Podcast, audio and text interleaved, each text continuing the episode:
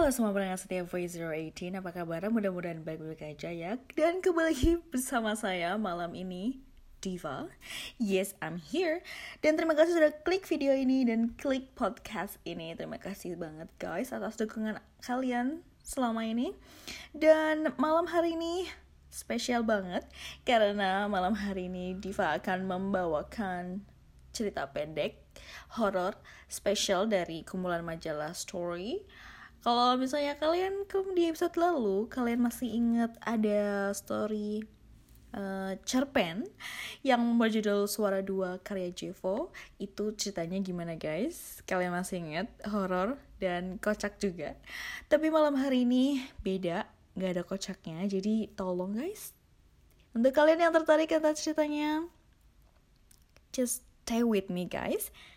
Anyway cerita malam hari ini adalah tentang seorang dua sahabat dan namanya adalah Rika dan Dira dan mereka adalah sahabat yang yang satu tomboy, yang satu yang enggak, dan yang satu pemberani, yang satu biasa aja. Dan Dira sedang sakit di rumah sakit. Jadi gimana kelanjutannya? Gimana sih kisah horor yang mereka alami? Just stay with me guys dan selamat mendengarkan.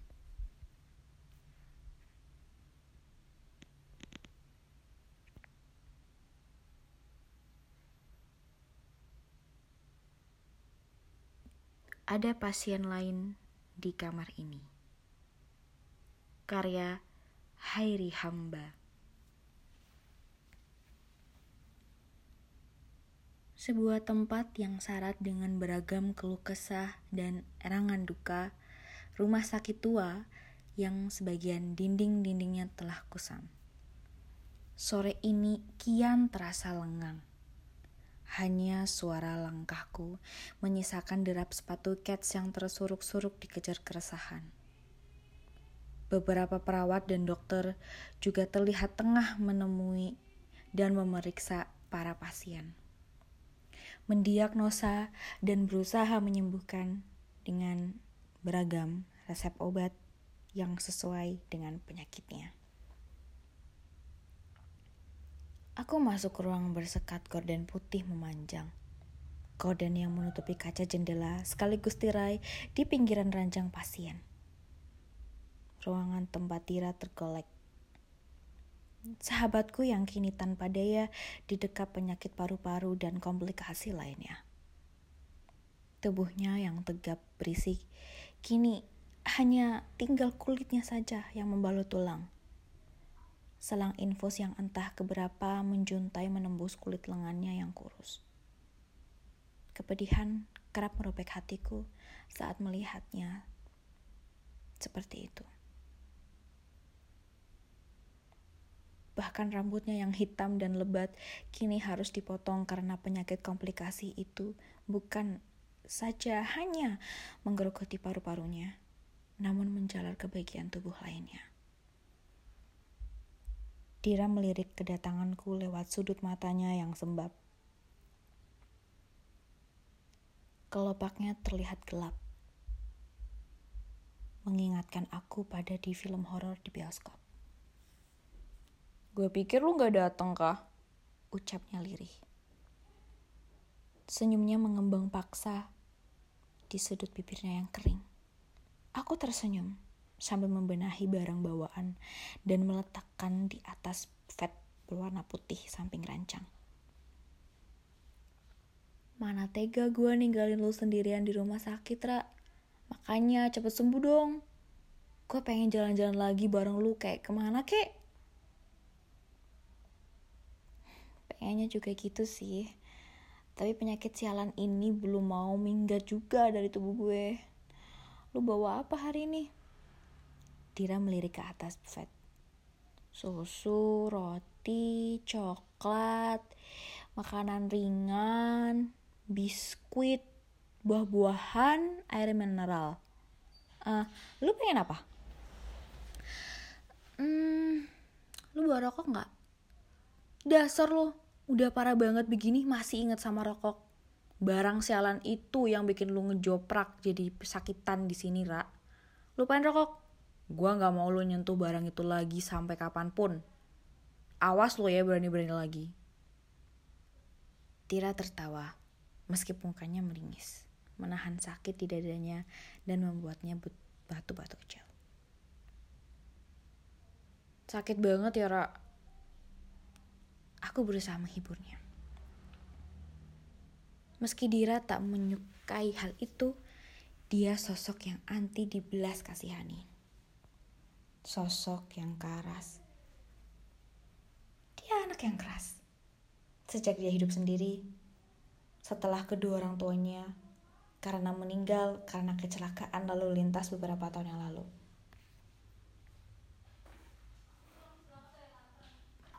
Dira menggelengkan kepalanya lemah.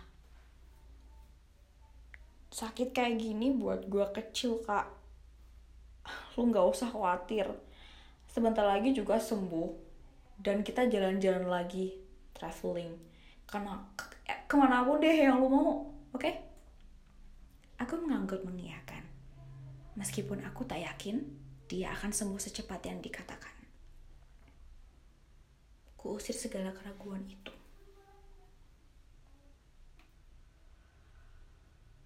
hal yang hanya akan membuat aku dan Dira lemah. Aku tahu, Dira adalah sosok yang kuat dan pantang menyerah. Namun kebiasaannya menghabiskan rokok sebungkus sehari telah membuatnya harus dirawat seperti ini. Racun nikotin itu telah menggerogoti paru-parunya hingga bolong. Kak, lo nginep di sini ya. Nemenin gue malam ini. Aku serasa melihat hal yang janggal di raut mukanya. Aku mengangguk. Dira menghela napas lega. Aku semakin merasa aneh. Mungkin dia sangat kesepian, pikirku. Kenapa, Ra? Lu kesepian banget ya? Tenang, masih ada gue kok. Wajah Dira berubah murung. Bola matanya berputar ke seluruh ruangan seakan takut ada seseorang yang ikut mendengar. Lirih Dira mulai berbisik, suara bergetar ketakutan. Beberapa malam ini di ruangan ini, gue ada yang nemenin, tapi dia dia bukan manusia kayak kita. Duk, jantungku seakan berhenti Seiring bulu kuduku yang tiba-tiba bangun. Ruangan ini ada hantunya? Gak mungkin. Aku bukan cewek penakut. Begitu pula dengan Dira. Dia cewek tomboy yang telah ku kenal lama. Menjadi sahabat sejatiku lebih berani daripada aku. Adrenalinnya lebih kuat terpacu dalam menantang berbagai halangan hidup yang menghadang. Sering kami naik gunung bersama, menembus hutan, merayapi kegelapan malam, menerobos lebat dedaunan dan akar yang merintang. Namun belum pernah sekalipun aku melihat raut wajah ketakutan Dira seperti yang kulihat sekarang.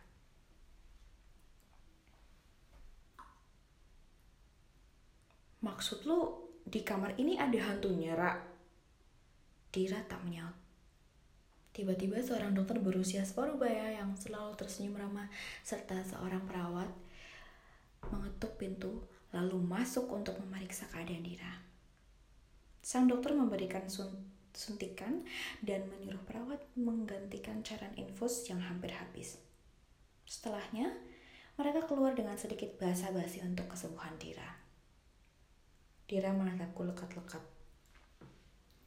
Cemarinya yang lemah dan dingin memegang cemariku.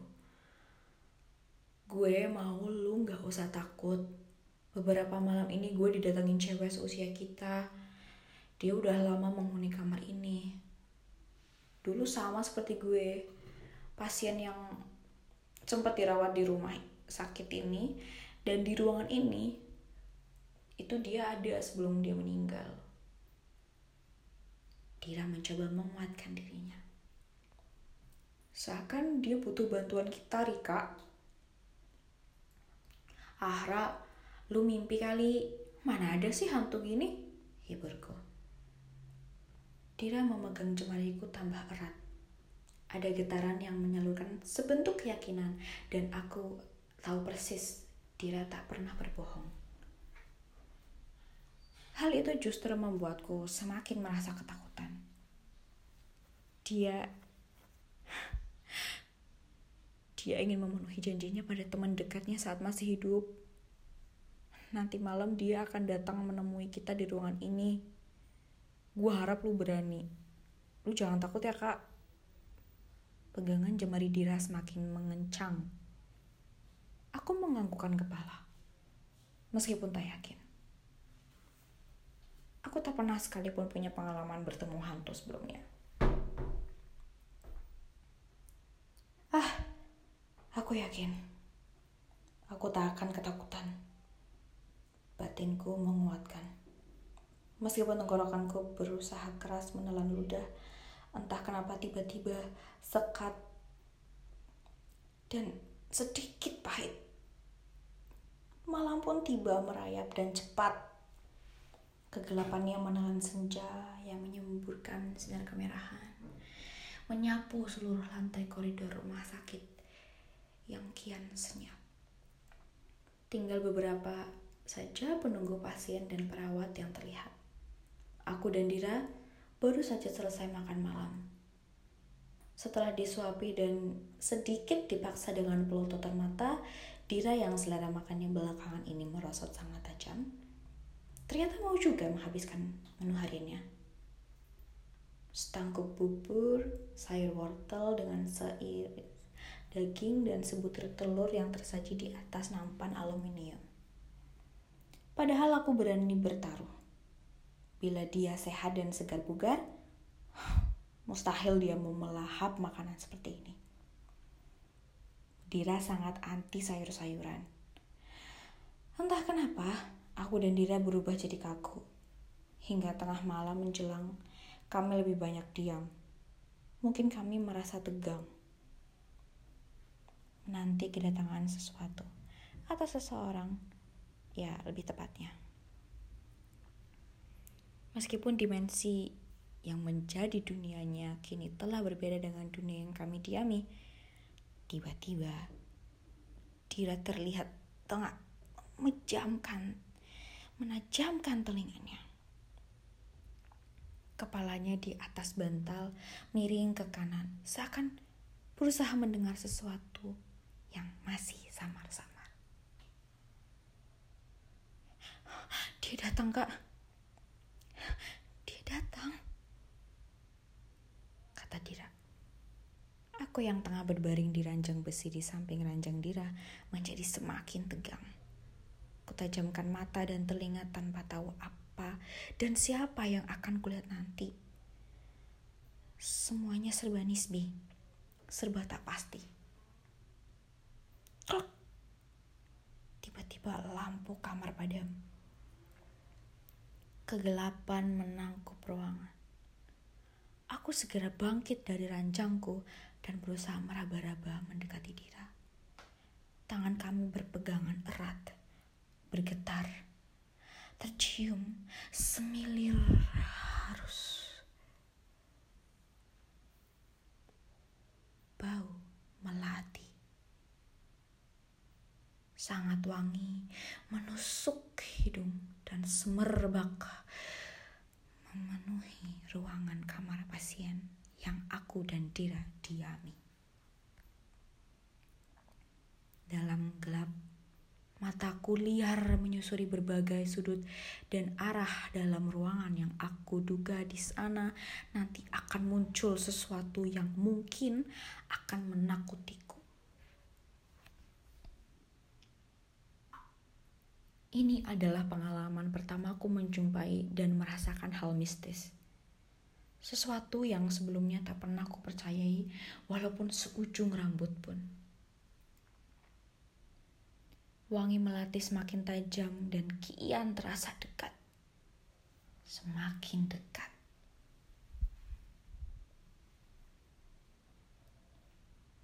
Krep, krep. Pintu depan samping kamarku tiba-tiba terbuka lebar.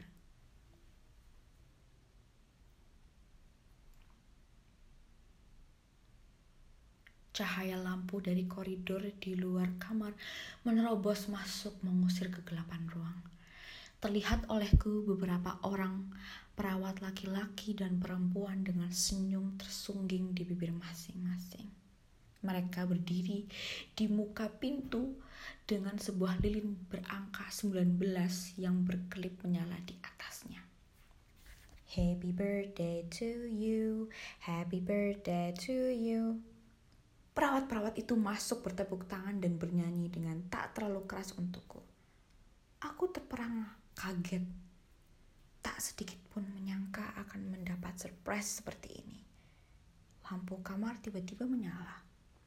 Kulihat Dira, si biang keladi dan otak atas semua ini tertawa lebar di atas pembandingannya.